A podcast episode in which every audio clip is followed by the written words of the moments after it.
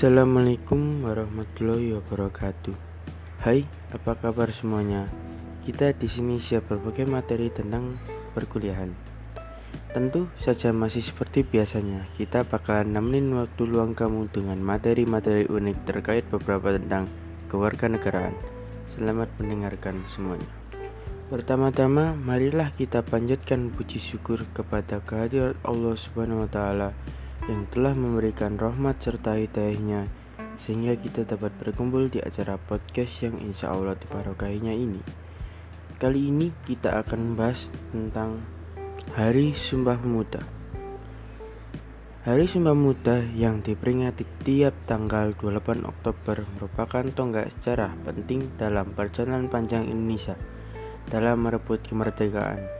Pada 28 Oktober 1928 atau 93 tahun lalu, Para pemuda Indonesia yang berasal dari berbagai daerah berkumpul untuk mengucapkan ikrarnya. Mereka berikrar untuk bertumpah darah, berbahasa, dan berbangsa Indonesia. Berikut isi lengkap sumpah yang diucapkan para pemuda tersebut. Pertama, kami, putra-putri Indonesia, mengaku bertumpah darah yang satu, tanah Indonesia. Kedua, kami, putra dan putri Indonesia, mengaku berbangsa satu, bangsa Indonesia. Ketiga, kami, putra dan putri Indonesia, menjunjung bahasa persatuan, yaitu bahasa Indonesia. Sebelum tercetus sebagai Sumpah Pemuda pada 28 Oktober 1928, ada sejarah di balik perjalanannya. Dengan melaksanakan Kongres Pemuda II Indonesia, para pemuda-pemuda itu merumuskan Sumpah Pemuda. Organisasi kemudaan yang hadir saat itu di antara lain adalah Jong Java, Jong Bata, Jong Ambon, dan Jong Islam. mahasiswa atau mahasiswi memahami sejarah Sumpah Pemuda dan kemerdekaan? Pada intinya, belajar giat supaya menjadi warga negara yang cerdas, berpendidikan maju setara dengan bahasa-bahasa dari negara lain, dapat dilakukan dengan memperbanyak literasi, salah satunya tentang sejarah Sumpah Pemuda dan kemerdekaan. Yang kedua, berkontribusi memajukan bangsa. Generasi muda saat ini memiliki segudang kreativitas. Mengapa tidak berbuat positif untuk bangsa sendiri?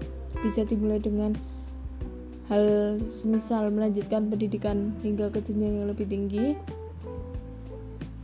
tidak menyebarkan berita hoax, dan ikut kerja bakti demi lingkungan yang bersih.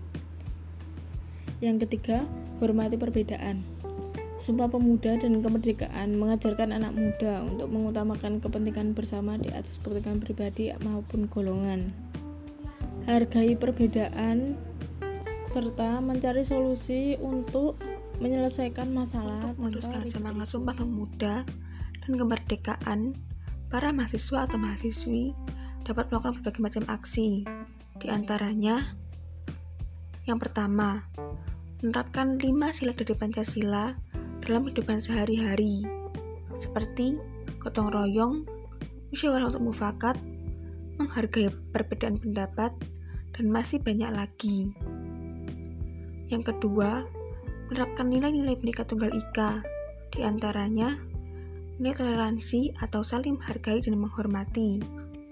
Nilai keadilan yaitu nilai yang menjunjung tinggi norma berdasarkan ketidakberpihakan, keseimbangan, terhadap suatu hal, dan nilai gotong royong serta kerukunan. Dan yang terakhir, dalam kehidupan sehari-hari, menggunakan bahasa nasional atau bahasa Indonesia. Setiap hari Senin mengikuti upacara bendera, serta ikut menyanyikan lagu kebangsaan yaitu Bagaimana Indonesia reaksi Raya. mahasiswa setelah membaca berita di bawah ini?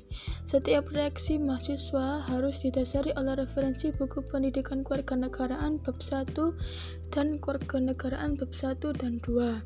Jawabannya yang pertama yaitu bab 1 pendidikan kewarganegaraan Reaksi mahasiswa harus mengevaluasi apakah kinerja Bapak Jokowi dan Kiai Ma'ruf Amin lebih cenderung ke positif kepada masyarakat atau lebih berdampak negatif.